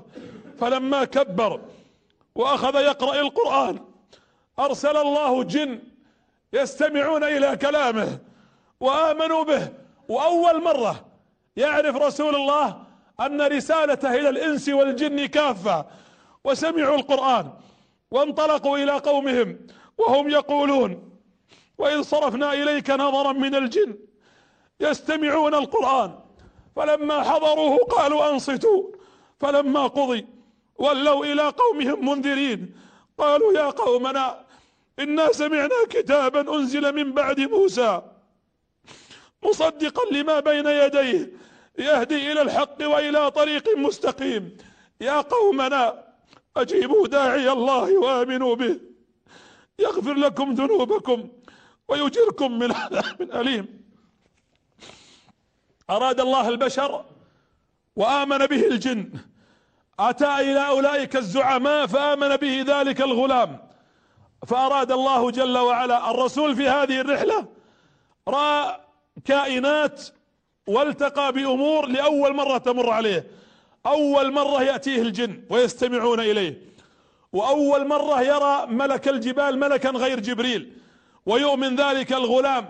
فسخر الله ليخفف على محمد هذا الأمر. كأن القضية يقول الله إنني أنا أريد النصر يأتي من عندي أنا رب العالمين. انت تبذل سبب ويبذل الثاني سبب وأنا أبذل سبب. لكن الهادي والذي يهدي هو الله. ولذلك الله يقول ومن يتق الله يجعل له مخرجا. إيش؟ ويرزقه من حيث لا يحتسب. طيب ليش ما يرزقه من حيث يحتسب؟ لأن الله إذا رزقك من حيث لا تحتسب علمت أنت كعبد أن الرزاق هو الله وأن مصرف الأمور هو الله جل في علاه. لا إله إلا الله فاعبده وتوكل وتوكل عليه. رأى النبي صلى الله عليه وسلم عداس ورأى ملك الجبال واستمعت له الجن وآمنت برسالته وكأن الرسالة هذه لطفل وملك وإلى جن والرسول منصور صلى الله عليه وعلى آله وأصحابه وسلم.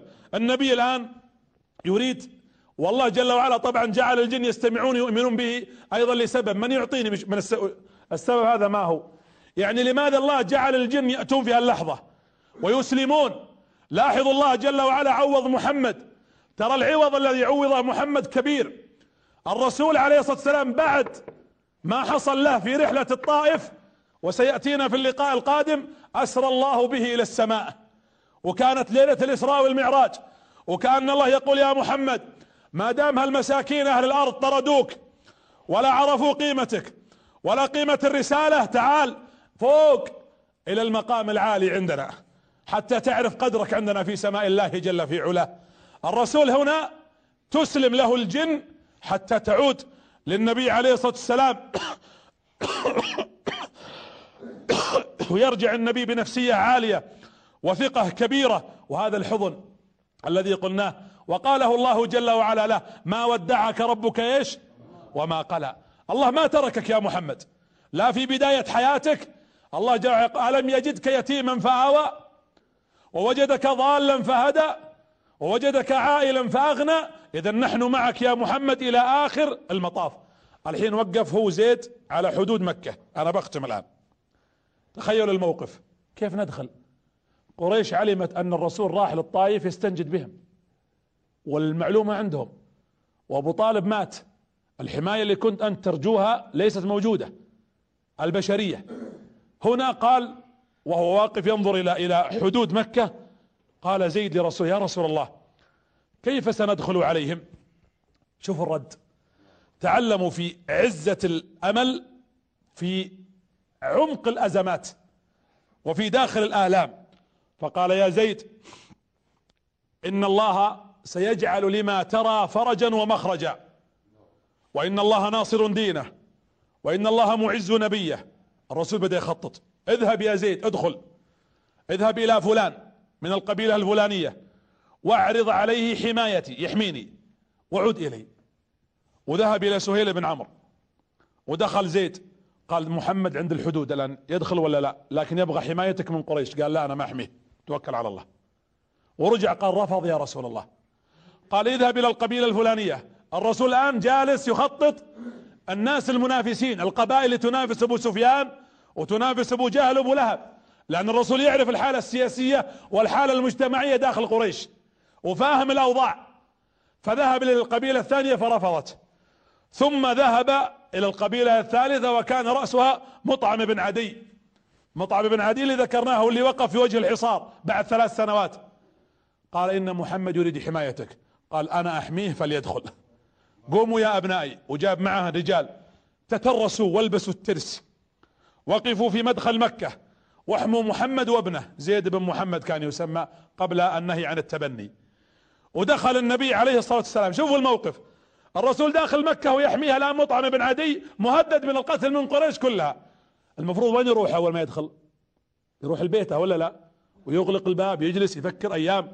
قال النبي لمطعم بن عدي إني أريد أن أذهب إلى الكعبة. شو عندك يا محمد؟ قال سأصلي وأطوف. أنا مرتبط بالله. أنا قبلت نعم حمايتك. لكن ترى ولائي ما تغير. أنا برائي براءتي من كل مشرك وولائي لكل مؤمن. لكن قبلت حمايتك لأنها أسباب بشرية وأنا مأمور بفعل السبب. ويدخل النبي وتحدي وإصرار وثبات عليه الصلاة والسلام لما شافت الناس الرسول يصلي ومطعم بن عدي وعياله واقفين يحمونه جاء أبو جهل. قال له أتبعت أم أجرت؟ يعني أنت أجرت محمد تحت حمايتك ولا اتبعته؟ قال لا لا لم أتبعه ولكنني أجرته وحميته. قالوا معلش ما دام أجرته وحميته. مفلسين. ما في شيء. لو قال لهم والله أني متبع قالوا كيفك لكن يبون يسمعون مثل مثل هذا الكلام. قريش الآن تعبانة تماما. النبي صلى الله عليه وسلم دخل يطوف. إصرار لم ينحرج من الموقف الذي حصل لأنها ليست خيانة إنما أنا ذهبت لأن عندي رسالة. دخل النبي وهو رافع الرأس. ومطعم حمايتك للنبي عليه الصلاة والسلام قبلها منك لكن محمد متوكل على الله جل في علاه. هذه رسالة نبيكم. في اللقاء القادم إن شاء الله تعالى سأخاطبكم بمحمد وأول مرة تسمعون بشرا يعيش في السماء لمدة ليلة أو أقل من ذلك. ليلة كاملة يمر فيها على السماوات السبع ويرى الجنة ويرى النار بل ويخاطب رب العالمين سبحانه وتعالى. أحداث عظيمة في ليلة من أعظم الليالي صدقها المؤمن العاقل لأنها هي في في في منطوقنا كبشر لا نستطيع لكن ما دام النص صريحا والمخبر محمد الذي لا ينطق عن الهوى فقد آمنا وصدقنا. سبحان الذي أسرى بعبده ليلا من المسجد الحرام إلى المسجد الأقصى الذي باركنا حوله. نستفيد من هذا اللقاء. اولا الإصرار ثم الإصرار ثم الإصرار على تبليغ الرسالة وبلاغ الدعوة ونصح الناس ودعوة المؤمنين. اللهم إنا نشهدك من هذا المكان ومن هذا اللقاء وعبر هذه الشاشات أننا ندعو إلى كتابك وإلى سنة نبيك وإلى توحيدك ونقول للناس عامة وخاصة قولوا لا إله إلا الله تفلحوا. قولوا لا إله إلا الله تفلحوا. اتبعوا محمد بن عبد الله. وسيروا على طريقته ولنبلغ رسالته ولنكن كل منا في موقعنا كل منا في موقعه. أخاطب الملك أخاطب الأمير أخاطب الوزير أخاطب الضعيف أخاطب الخادم أخاطب العلماء أخاطب الدعاة أخاطب الإعلاميين أخاطب إعلام الأمة أخاطب تعليمها أخاطب آسيا أخاطب أفريقيا أخاطب أمريكا أخاطب العرب. أخاطب العجم أخاطب القريب والبعيد كل أحد أن يقولوا لا إله إلا الله وأن نبلغ رسالة التوحيد وأن نكون في مواقعنا محبين لهذه الرسالة داعين إلى الله على علم وعلى بصيرة ندعو الناس إلى التوحيد ونتركهم من عبادة الخلق وما هم فيه. الأمر الثاني والدرس الثاني أن نتوكل على الله وأن نعتمد عليه. الزم يديك بحبل الله معتصما. فإنه الركن إن خانتك اركانه يا أصحاب الهموم يا أصحاب المشاكل يا مسجونين يا ضعفاء يا فقراء يا مرضى يا مظلومين يا منهكين يا معدومين يا مت يا من قد أصبتم بالمصائب كلها. توكلوا على الحي الذي لا يموت. اعتمدوا على الله. نصيحة لي ولأنفسكم. اجعلوا الاعتماد على الله هو الأول وهو الآخر. توكلوا على الله جل في علاه وأقسم بالله. أن النصر آت لكل من توكل على الله ومن توكل على الله فهو حسبه وكفى بالله حسيبا. الأمر الثالث الله الله بقيام الليل والطاعات والعبادات. نريد نساء وشبابا ورجالا يعززون هذه العبادة التي قال الله جل وعلا لمحمد في بداية دعوته يا أيها المزمل قم الليل إلا قليلا. نصفه أو أنقص منه قليلا. أو زد عليه. ورتل القرآن ترتيلا ليش؟ إنا سنلقي عليك قولا ثقيلا. أسأل الله جلت قدرته. أسأل الله جلت قدرته في هذه الساعة الكريمة وهذه اللحظة العظيمة التي أنزل علينا فيها الرحمات وأدمع فيها العيون وخشع فيها القلوب. اللهم يا حي يا قيوم اجعل السعادة حليف كل بيت من بيوت المسلمين. اللهم اجعل السعادة في هذه الساعة يا رب العالمين تدخل على بيوتات المسلمين وعلى نساء المسلمين وعلى رجال المسلمين وعلى شباب المسلمين وعلى ولاة أمر المسلمين وعلى علماء المسلمين. اللهم أنزل على رحمة من عندك. لا تبقي لنا بها بؤسا تجمع بها كلمتنا وتجمع بها كلمتنا. وتوحد بها صفنا وترفع بها رايتنا وتصلح بها أحوالنا وتصلح بها شبابنا. وأسأل الله في هذه الساعة أيضا أن يوفق أبناءنا وبناتنا في الامتحانات والاختبارات. ونسأل الله لا يضيع لهم تعبا وأن يجعل حظهم النجاح والتوفيق وأن يجزي القائمين على الجهات التعليمية والتربوية خير الجزاء. ونوصي الجميع كذلك بأن يخصوا المسلمين بالدعوات المستضعفين في سوريا في فلسطين والعراق واليمن. اللهم انصر المستضعفين في سوريا وفي سائر بلاد المسلمين. واحقن الدماء في كل بلد من بلاد المسلمين يا رب العالمين. شكر الله لكم وجعل ذلك في ميزان حسناتكم. ولقاؤنا القادم إن شاء الله نتحدث فيه عن الإسراء والمعراج وما حدث للنبي في هذه الرحلة العظيمة. والله أعلم. وصلى الله على نبينا محمد وأعتذر على الإطالة. اللهم صل. آمين. جزاكم الله.